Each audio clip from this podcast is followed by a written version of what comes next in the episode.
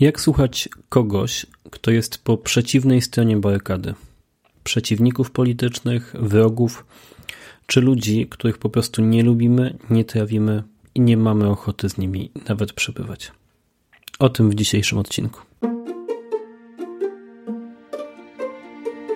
Tu Krzysiek Głowacki i Sztuka Słuchania. To podcast dla tych, którzy chcą lepiej słyszeć ważne dla siebie osoby oraz tych, którzy na co dzień pracują z innymi ludźmi i chcą ich lepiej rozumieć. Pokażę Ci tu, jak rozwijać umiejętność słuchania i wykorzystywać ją zawodowo i w kontakcie z bliskimi. Zapraszam Cię do słuchania.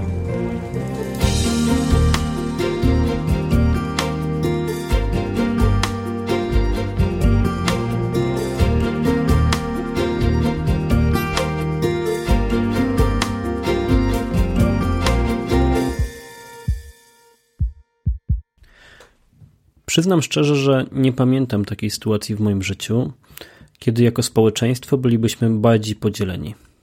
I patrzę na moją facebookową ścianę i widzę z jednej strony zwolenników dostępu do aborcji, z drugiej zwolenników ochrony życia od momentu poczęcia aż do naturalnej śmierci. Z jednej strony ludzi, którzy angażują się w pomoc uchodźcom, którzy przekraczają nielegalnie granice, i takich, którzy uważają, że te granice powinny być dobrze strzeżone, też, nie wiem, z użyciem broni palnej. Z jednej strony ludzi, dla których Kościół jest domem, i takich, którzy uważają, że jest jedną z najbardziej zbrodniczych organizacji działających obecnie w Polsce. I całą masę ludzi, którzy są pomiędzy tymi stanowiskami. I rodzi się we mnie takie pytanie, właśnie, jak słuchać takich ludzi, którzy są po drugiej stronie? Jak słuchać tych, z którymi naprawdę głęboko się nie zgadzamy i z którymi czujemy po prostu, że nie mamy nic wspólnego. I czy w ogóle ich słuchać? A jeśli tak, to z jakiego powodu? Chcę o tym powiedzieć e, w takich trzech częściach, w takich trzech mm, pytaniach. Z jednej strony zastanowić się nad tym, dlaczego to jest trudne bo to jest trudne. Ja, dla mnie przynajmniej, może dla ciebie nie jest, ale dla mnie jest. Ja mam z tym problem, żeby słuchać ludzi, którzy, z którymi głęboko się nie zgadzam i nie chcę tego robić często. E, drugie pytanie to jak to zrobić? Jak to zrobić, żeby rzeczywiście dotrzeć do tego, co jest w ich głębi, bo tam uwierz mi i ja sam się czasem o tym muszę przekonywać, ale tam coś naprawdę jest. I trzecie pytanie, na które chciałbym sobie dzisiaj odpowiedzieć, to dlaczego w ogóle mielibyśmy ich słuchać? Czy są jakieś powody, dla których to rzeczywiście trzeba robić, chcemy robić? No właśnie, dlaczego?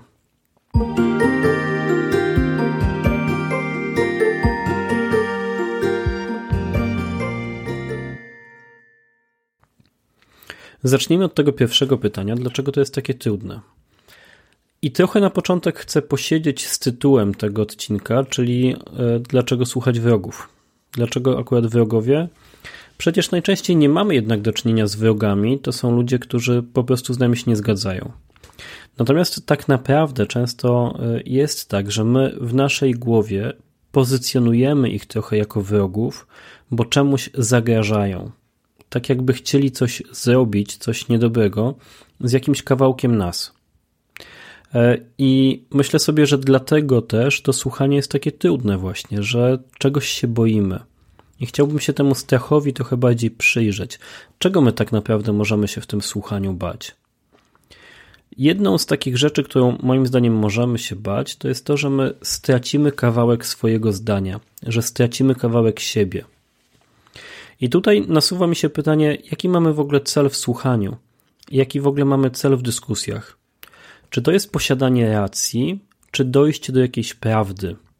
Jeśli w ogóle jakaś prawda w obiektywnej, w takiej sytuacji jest możliwa, czy dojście do niej jest możliwe i określenie w ogóle, co jest prawdą.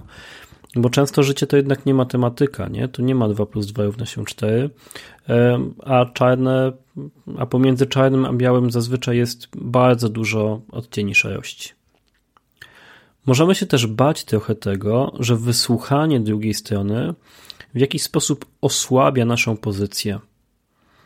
e, że kiedy my wysłuchamy tej drugiej strony i ona przedstawi swoje argumenty, e, no to jakoś to, co my, to w co my wierzymy, przesunie się w inną stronę.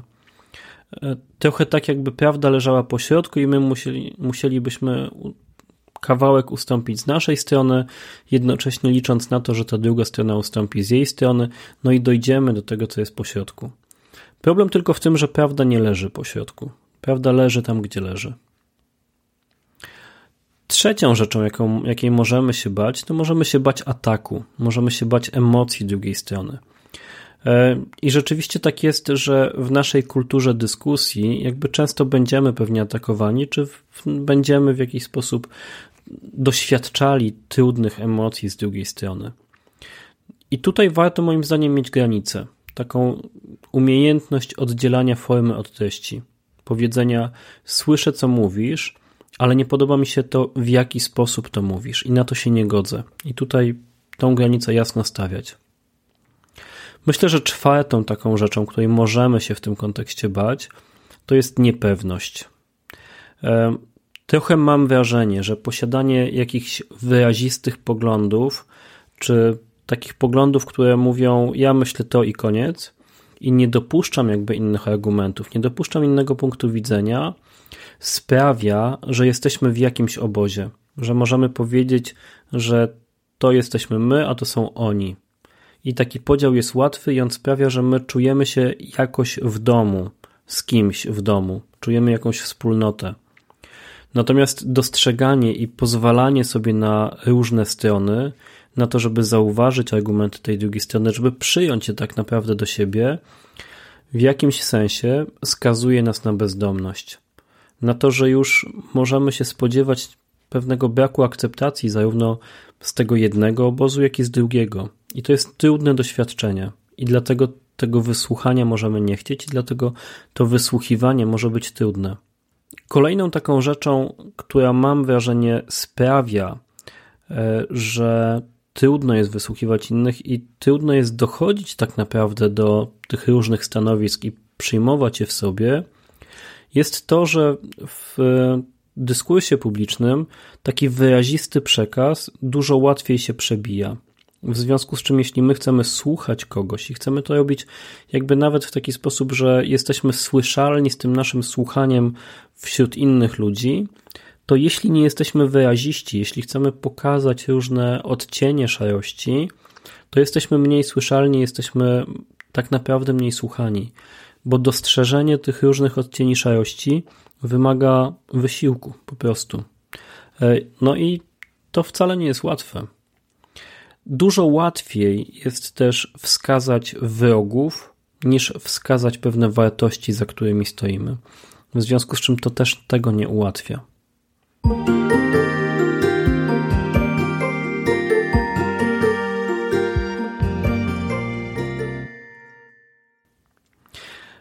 Pytanie w takim razie, jak to zrobić? Czy w ogóle to jest możliwe? Jeśli, znaczy myślę, że jest możliwe, ale pytanie jak? Jeśli zdecydujemy się na to, że chcemy słuchać, i za chwilę powiem, dlaczego moim zdaniem można się na to decydować, dlaczego warto, nie wiem, czy warto, ale dlaczego można, jakie moim zdaniem motywy za tym powinny stać. E, I jakie ja w sobie widzę, może tak, nie jakie powinny, bo nie chciałbym z, takim, z takimi powinnościami tu wyskakiwać. E, jak? Pierwszą rzeczą, do której ja bym chciał zachęcić, i ja widzę, że mi to pomaga, jest słuchanie po to, żeby zrozumieć, a nie po to, żeby odpowiedzieć. I to wymaga pewnego, pewnej zmiany na poziomie serca. Jakby zobaczenia tego, że ja chcę się z tym człowiekiem spotkać, że ja chcę usłyszeć, co on ma do powiedzenia, właśnie jakby na takim poziomu, poziomie zrozumienia, a nie tylko po to, żeby przygotować sobie argumenty do odpowiedzenia mu. Nie, nie, nie po to, żeby udowodnić, że ja mam rację, ale po to, żeby wysłuchać, co stoi za tym, co on mówi. I to wysłuchanie, moim zdaniem, odbędzie się wtedy, kiedy my się wsłuchamy w jego historię. Kiedy my się wsłuchamy w to, skąd on przychodzi, za czym jest, a nie tylko przeciwko czemu jest, bo zazwyczaj jest tak, że ludzie jednak nie są przeciwko. W sensie ludzie podejmują pewne decyzje, mają konkretne poglądy, raczej dlatego, że na czymś im zależy albo czegoś bronią, a niekoniecznie dlatego, że są przeciwko czemuś. I myślę sobie, że to znalezienie tego, za czym ci ludzie są i czego bronią, jest jednym z pierwszych kroków do tego, żeby rzeczywiście ich wysłuchać. Żeby nastawić się na to, że ja tego, to chcę znaleźć, ja o tym chcę usłyszeć. Kiedy wysłuchamy ich historii, kiedy wysłuchamy ich przeżyć, kiedy będziemy tak naprawdę ciekawi tego, co oni mówią, to zobaczymy po drugiej stronie ludzi, a nie wrogów. Być może jeśli zobaczymy, czego się obawiają, to w nas zrodzi się też jakieś współczucie dla nich, jeśli będziemy chcieli je mieć. E, trzecia rzecz, jakby po tym słuchaniu, by zrozumieć, a nie by odpowiedzieć, i po wsłuchaniu się w historię, jest taka próba wyjścia z myślenia albo albo, a wejście w myślenie i i. Czyli nie albo Twoja wartości, albo moje, ale wejście w pytanie, jak możemy zrealizować Twoje wartości i moje. Czy to jest możliwe? Co możemy zrobić, żeby jak najbardziej do tego się zbliżyć? To nie zawsze będzie łatwe, to nie zawsze będzie, nie wiem, skuteczne, nie zawsze to jest możliwe w ogóle, ale sama, sam wysiłek myślenia w takim kierunku mam wrażenie, że już może dużo dać, że może nas trochę zmienić. I swoją drogą to też jedna z obaw takich, które możemy mieć przed wysłuchaniem, że jeśli wysłuchamy drugą stronę, to to w nas coś zmieni, a może nie chcemy tego, żeby coś się zmieniło. Natomiast jest różnica między wysłuchaniem człowieka a zmianą swojego zdania. Jeśli ja wiem, dlaczego tak myślę, dlaczego myślę tak, a nie inaczej w konkretnych sprawach, to e, mogę być pewien, że wysłuchanie drugiej strony tego jakoś nie zmieni bardzo mocno. Znaczy, to, że ja kogoś wysłucham, niekoniecznie musi mieć wpływ na mnie. Może i tego mogę się obawiać, ale jednocześnie mogę stwierdzić, wysłuchałem cię, nie zmieniam zdania.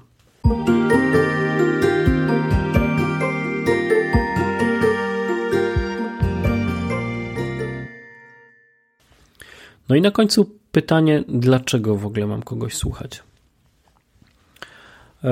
I myślę, że odpowiedź może być dla ciebie zaskakująca, ale nie masz.